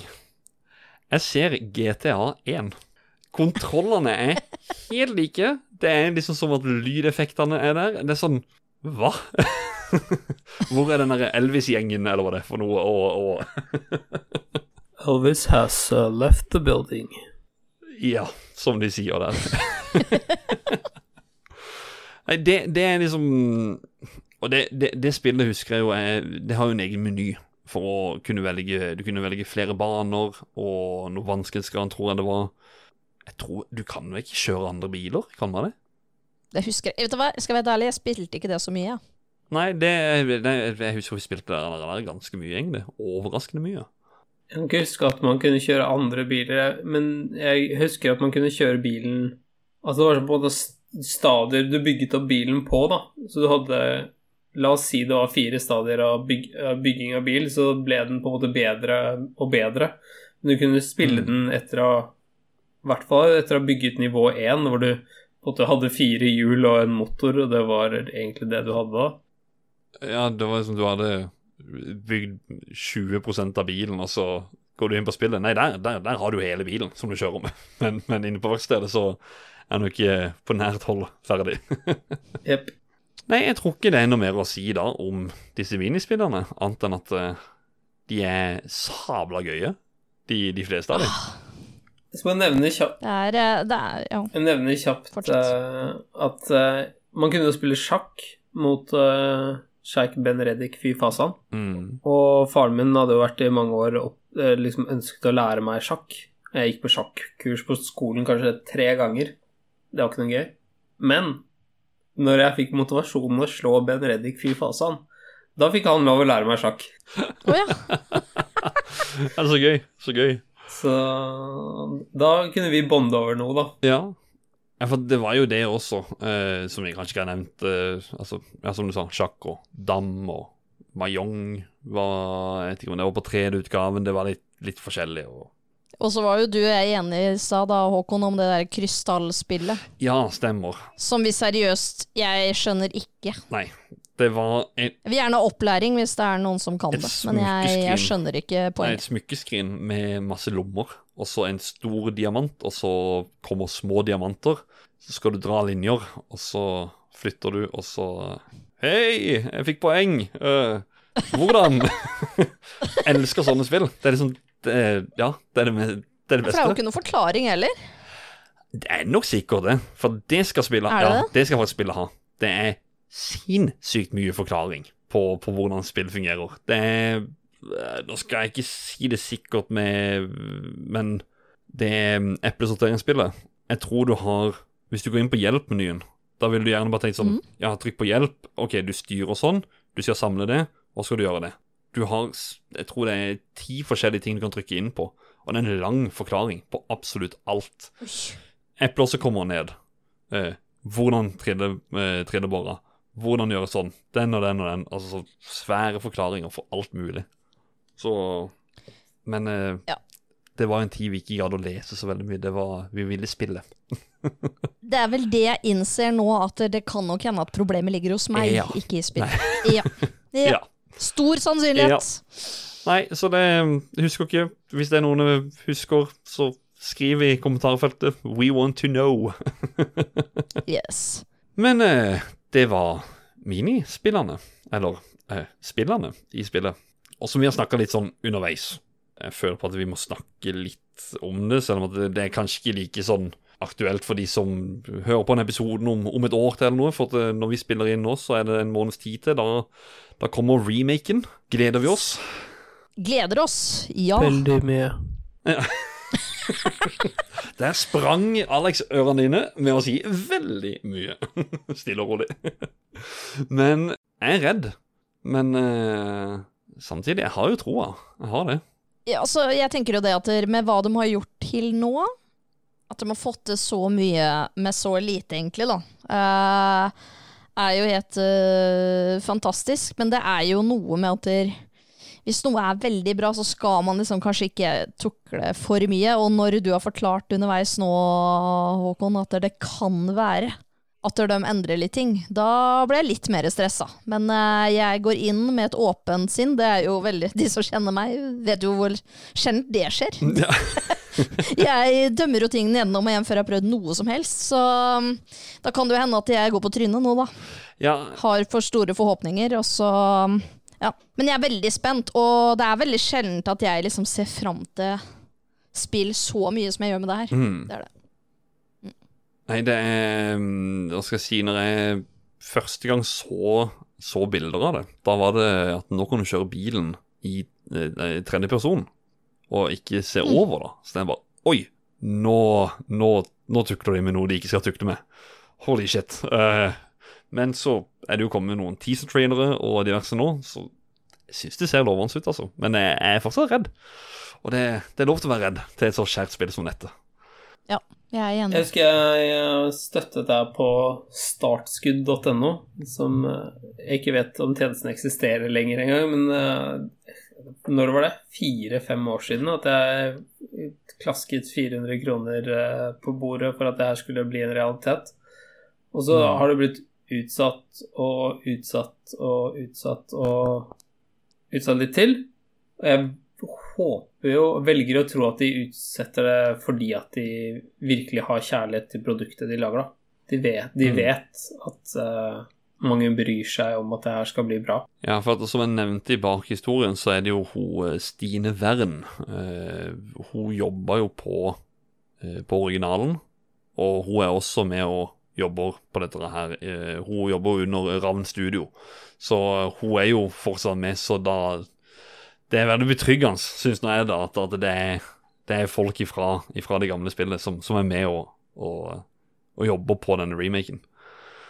Vi har jo hatt en podkast om en annen eh, om en annen veldig spesiell remake, Final Fantasy 7, som jeg var livredd for. Men uh, der var det hele The Good Old Crew som var med. Så da Så når det er gamle folk ifra, eller ifra gammelt crew som er med, så er det som regel betryggende. Ja. Og jeg tenker jo, jeg er enig med Alex der, at det, hvor lengre tid det tar å lage spill, hvor liksom hvor Forhåpentligvis sikrere er man jo på at det- kommer et godt produkt. For det, det er vel en trend i dag at vi får veldig mye uferdige spill Mm. servert. Mm.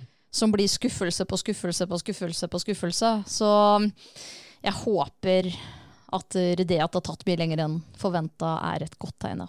Det er godt poeng. Mm. Vi krysser fingrene for det. Mm. Og når vi snakker om en remake, som er en annen versjon, DS-versjonen, har dere prøvd den?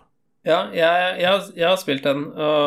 Det var fordi jeg har en, en søster som er elleve år yngre enn meg, og eh, to storebrødrene var jo veldig opptatt av at hun skulle bli en gamer, hun også. Så hun fikk DS da hun var tja, gammel nok til å få en DS, og selvfølgelig kjøpte vi Flåklypa-spillet til henne. Det var en skuff, skuffelse. Ja. Nå vet litt jeg trist, da. Ja, Ja. det, det var litt sånn Altså, DS-skjermen er jo litt liten, og så skal du drive med den styrepinnen og ikke sant. Eh, Så er det litt sånn Jeg skulle bare ønske at jeg kunne spille Flåklypa spille på en ordentlig PC istedenfor å spille på en DS. Eh, Mm. Egentlig konklusjonen rundt det spillet for min del, da. Ja. Men var spillet annerledes, eller var det liksom nesten helt identisk, bare at du overført på en DS? Nå tar jeg dette etter eh, egen hukommelse, men jeg husker det var litt færre minispill, og det var egentlig bare litt mindre av alt, og min opplevelse. Sånn sykkelreparasjonsspillet et, Det var litt annerledes. Det var ikke like morsomt. Jeg tror det gikk litt mer ut på å vaske sykler og spraye dem og sånn, som ikke var så gøy. Du bruker den touchscreen på en sånn spesiell måte. Det var jo det DS-gimmicken med at du skulle bruke touchskjermen. Så jeg ser for meg at du skal tegne for eksempel sånn for å vaske, eller ja. Ja, så det, jeg spilte ikke det så mye, altså, fordi jeg var så skuffet, egentlig. Nei, jeg, må, jeg er nødt til å Som spillsamler som jeg er, så eh, må jeg jo ha de samlingene da og, og få testa det. Men uh, vi får se. Vi får se om det holder. Du har ikke spilt det, Lisa? Nei, jeg har ikke spilt det på DS. Det har jeg ikke gjort. Nei. Så øh, Men det, det høres jo ut som jeg skal være glad for det, Ja. kanskje. Mm. For det funka på iPad, i hvert fall postsorteringsspillet. Mm. Og hvis dere hører det, Caprino Games eller noen andre som jobber med Ja. det, få du ut på iPad igjen. Postsorteringsspillet der, altså. Men vi skal egentlig over til nyttårsspalten nå.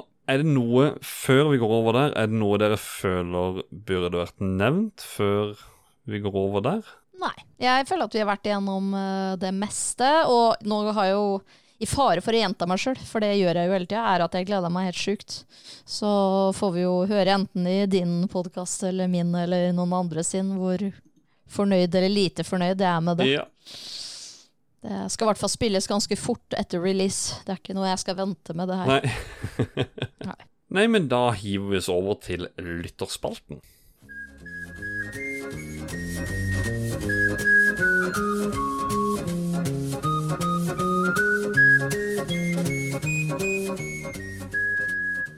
Gi lytterspalte. Jeg har vært på både Facebook og Discord og spurt eh, om ja, det vi pleier å spørre folk om. Om de har noen gode minner til det spillet vi prater om i dag. Så da begynte vi med Kjøra, kjøra, ferdig norsk King Bro, kjøra dempo. Spurte vi inne på Facebook-gruppa, Spill Community, om eh, det var noen som hadde gode minner. Og eh, Lise, kan ikke du begynne å, eh, å lese den første der? Det kan jeg, vet du. Og det er jo fra en som er kjent for å spille det oss nå. Og det er han eh, Trond Sinfor Borgersen. Eh, og han skriver Kjøpte DS-utgaven til barna for en del år siden, og det ble spilt mye.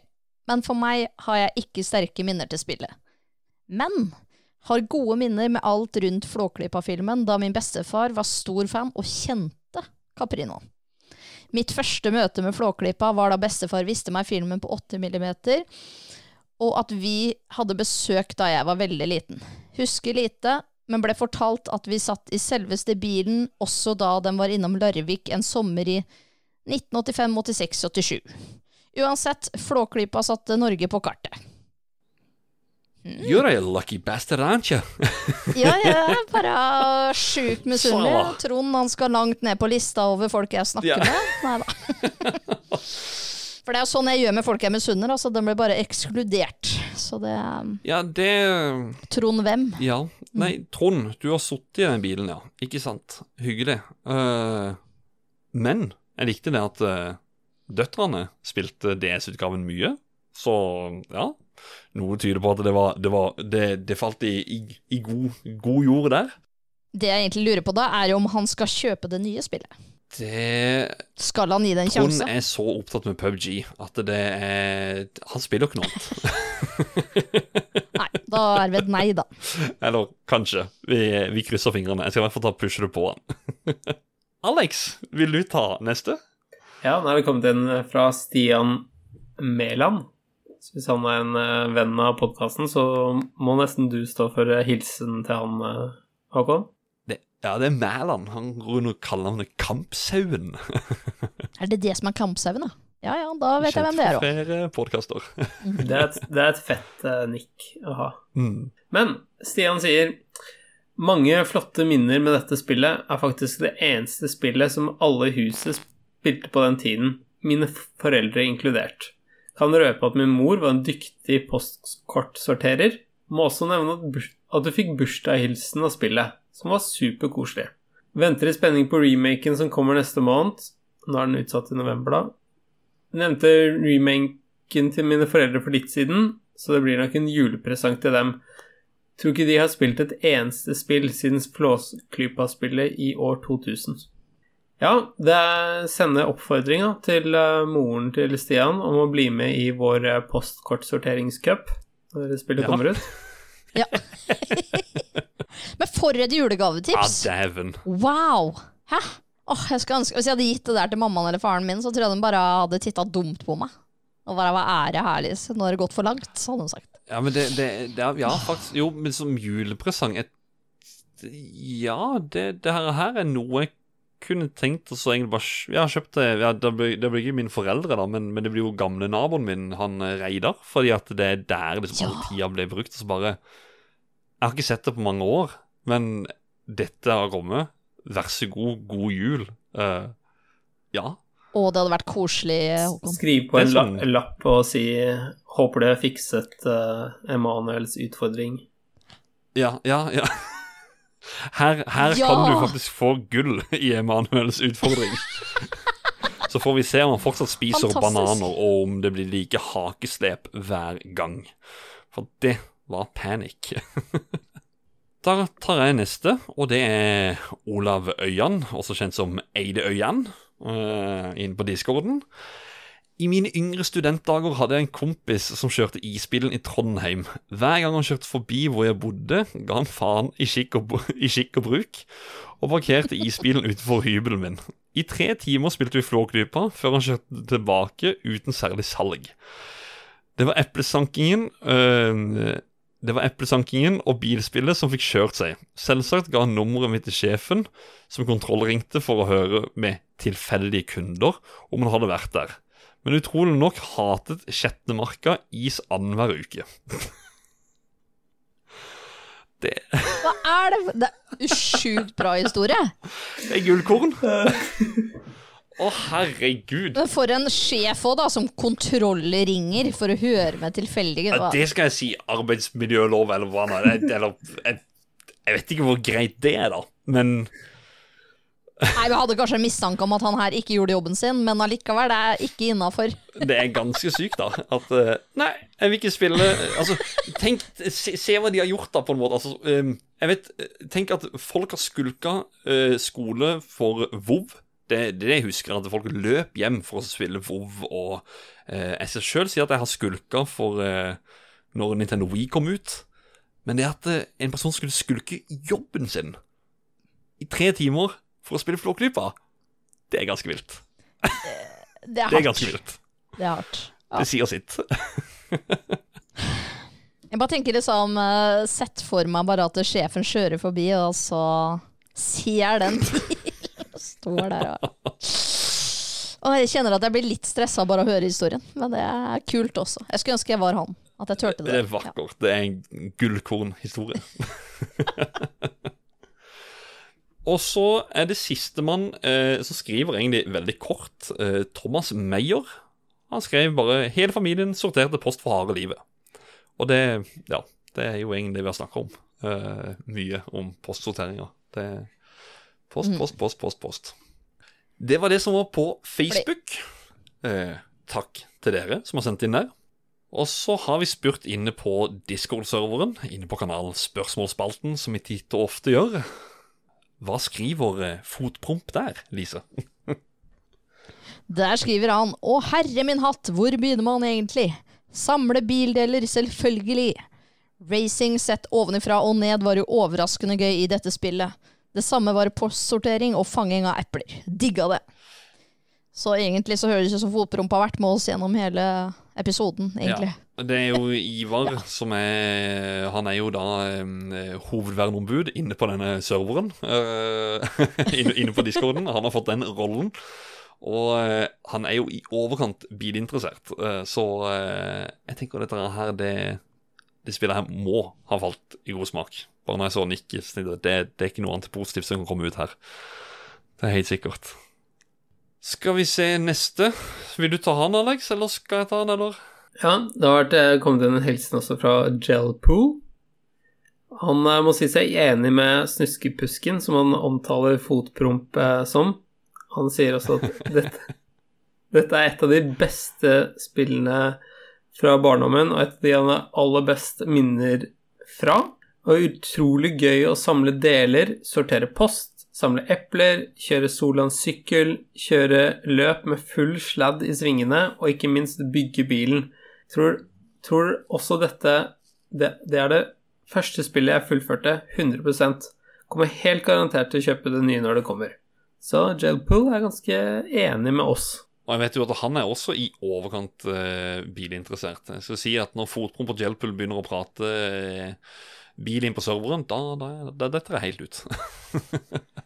Er det ikke bare Ja, da kan jeg bare Ja, gå. ja, det er en ting med fire hjul og en motor. Ja, det er det det, det, det, det er for meg. Så kan jeg jo eh, si eh, enda en person som kommer under der. Det er jo eh, Fis, som eh, også er en god kjenning av spilledåsen, vet du. Helt klart. Han er til og med ansatt, han. Yes. Han skriver da at eh, Tenker at jeg bare kopierer svarene til de over her. Det spillet var bare helt amazing. Så ja, Fis, du er også glad i det. Det er bra. Tusen takk for uh, innspill, og hyggelig at dere to hadde lyst til å lese, lese opp de eh, innslagene, eller eh, de, de inn, innsendte meldingene, eller hva man skal si. Ja, mm, yes, konge. Og da er vi kommet til siste del av podkasten. Ikke plugging av podkasten, men vi skal rate spillet før vi gir oss. Så eh, har vi henta dette her etter gode, gamle Nintendo-magasinet sine kriterier. Det er grafikk, lyd, spillkontroll, underholdning og holdbarhet. Og vi gir poeng 1 til 10. Som Adrian bruker komma, hvis man er Oi. litt usikker. Ja, Det er lov til å legge inn en, en 5,5 inn. Det, til og med 6,7 hvis du vil. Oi. Ikke, Ja, ja. ikke, ikke, ikke 8,23. Nei, det gidder du ikke. Men eh, jeg føler på at jeg har begynt å spørre Lise veldig mye, så jeg gjør det heller motsatt nå. Alex, grafikk, hva vil du gi det spillet? Altså, jeg husker da det kom ut, så syns jeg at det Altså, det var fantastisk. Uh, men sånn Det er ikke så veldig imponerende når du spiller det på nytt igjen i dag. Så på den tiden, en nier. I dag um, med noen retrofaktor, så er det ligger det på sånn 4-5, så Smeller inn en 7,5 totalt sett. 7,5 er notert. Og Lise? Nå kommer jeg fra en podkast hvor vi eh, setter pris på å finne fæva. Og, og Ja, det er, så, det er ikke så høye Vi driver ikke med fakta, det er jo, det vi, det er jo vårt slogan. Det er noe andre Ja. som driver med. Sånn som deg, eh, Håkon. Du driver med det. Yes. Ja. I'm digging. Ja, og så har jeg liksom titta på litt bilder og sett litt sånn. eh, og så sa du litt i stad hvordan du tenker at vi skal liksom rate det, med at det, hvordan det var da, eh, og hvordan det er nå. Men jeg er faktisk så imponert jeg, av det spillet her, og hvordan det ser ut. Uh, så jeg syns egentlig ikke da jeg, Jo, jeg ble litt sånn her når vi titta inn i, inn i sjeikens uh, telt, så ser man jo at det er Det bærer preg av gammelt. Uh, gammelt. eh, men egentlig så syns jeg også det er en sjarm at det er sånn. Jeg liker at det er litt retro. Jeg jo, jo Jeg er jo litt redd for det her i, i remaken, at de skal gjøre det for fint. For det har jeg hatt en del spill jeg ikke har likt at de har gjort det for fint. Så for min del så er vi Altså, Appon ikke er på en nier, altså. Jeg syns det er den. Jeg, jeg, nå er jeg Ja. hyggelig. Veldig snill, da. Ja. Men jeg Sånn personlig, da. Selv om jeg også ser det Alex sier med at det er for gammelt for dagens. Men personlig, hvis jeg skal gå ut ifra meg selv, så er jeg ni. Jeg skal være, eh, som, som, som Adrian alltid sier, at han eh, som programleder skal jeg være eh, veldig kjapp og enkel. Jeg er veldig enig i det Alex sier. Jeg sitter også og vipper på akkurat samme poengene. og jeg ender opp på en 7,5 sjøl. Så ja. Neste, da, det er lyd. Og da, Lise, da begynner vi hos det. Og når jeg driver og snakker om at eh, jeg liker eplelyder Altså, det er ikke Mm. veldig mange spill som gir meg Som gir meg eh, så mye som faktisk det spillet her gir meg, da. Og så er det jo Det, må, det er fra en av de mest ikoniske filmene vi har i landet. Um, og de har beholdt uh, voice actinga. Altså, det her, altså, I dag er jeg Det kan hende med at jeg har drukket et glass vin, at det er derfor jeg er så forurlig gavmild her, men Jeg tror faktisk eh, Altså, det er jo ikke liksom Det er nok mer nostalgien som prater. Så, men jeg, jeg, skal jeg, jeg gir en tier, jeg. Jeg er klin gæren i dag. jeg. Dæven! Jeg er klin gæren. Den får ti. Oi, oi, oi, oi, oi. Da var det bare tosifra med Eller nei, jo, tosifra med, med en gang her. Altså, det er bare å dra meg baklengs gjennom fuglekassa eh, når du deler ut sånne scores. Akkurat det er farlig, da. Ja. Uh, hva, og Alex, hva gir du? Så jeg må si meg helt enig med Lise, fordi det er da vi snakket om eplene, så jeg, jeg spilte av den lyden i hodet mitt, eh, for den er ikonisk, og, og det er lagt mye jobb i alle de minste detaljer. Det er Musikken er jo kjempefin, og den er der. Og det er eh, Jeg vet at det ikke er alle stemmeskuespillerne som var i filmen, men der hvor de måtte erstatte noen, så har de funnet virkelig verdige erstattere. Eh, så det, det er som å høre Flåklypa, og det er ingenting å utsette på det. Det er en tier. Hey. Det er nesten så jeg sier, tar en Sirin og sier boja. det er lov, det er Ja, lov. det må jeg. Ja. ja, ja, ja. Ehm, ja, det er jo mye som du sier. Eh, nå, eh, nå kommer det men. Eh, Så ikke du være rask, Håkon? jo, jo, jo, men her, her er litt sånn derre Jeg har satt og så Jeg klarer ikke å gi det tid. Jeg gjør ikke det.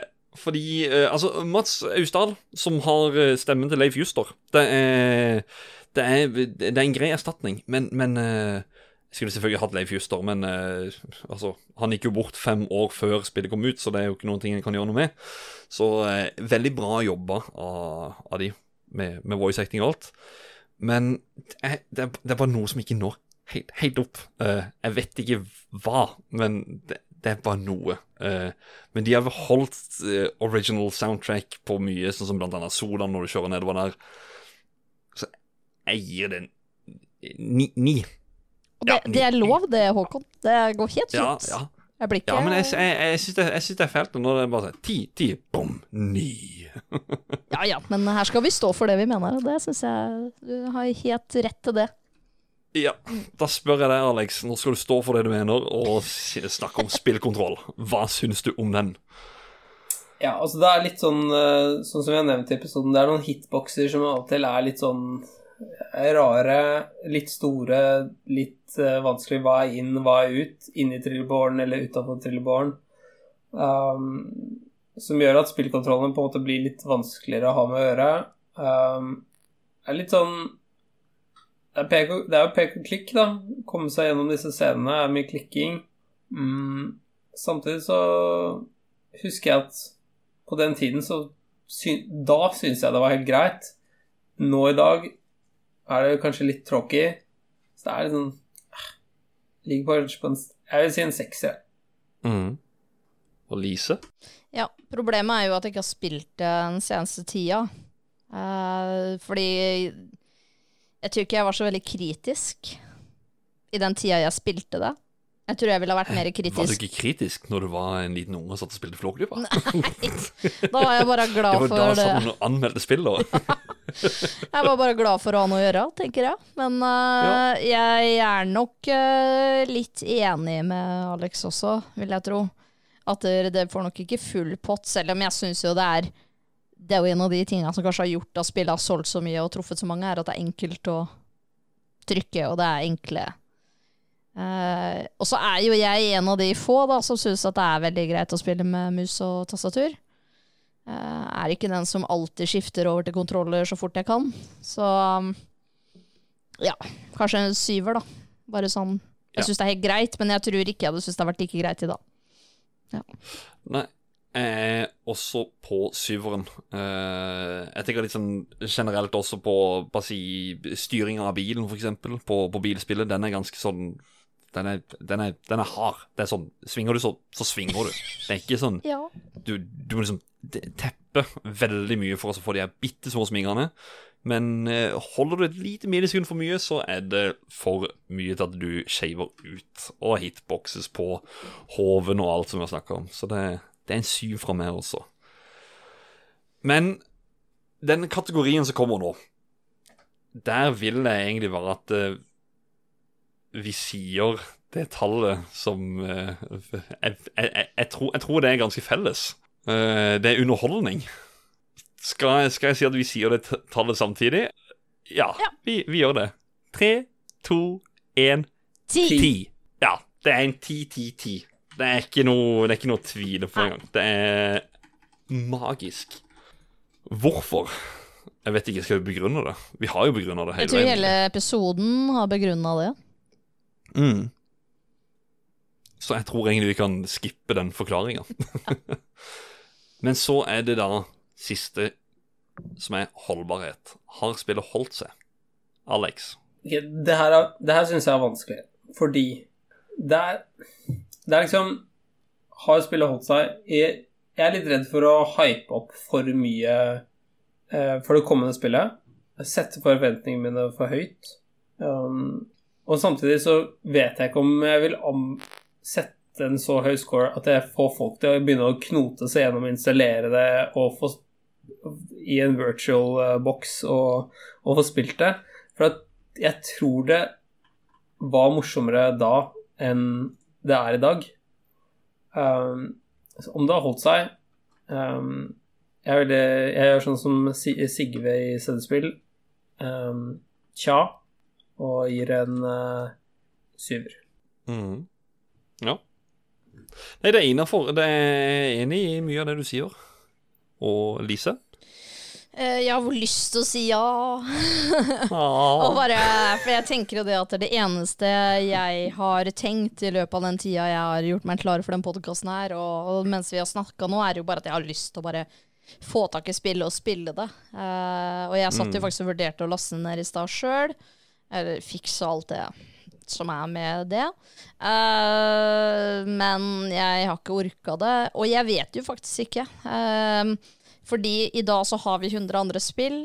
Uh, jeg er ikke sikker på om jeg kommer til å bruke like mange timer på det. Jeg kommer til å synes det sikkert er morsomt å gjennomgå alle de tinga, men det er sikkert ikke spill jeg kommer til å sitte og spille da hver dag, sånn som jeg gjorde før, da. Eh, Men det er jo bare fordi at dagens samfunn har ødelagt oss med tanke på spill. Eh, og at tilbudet er for mye.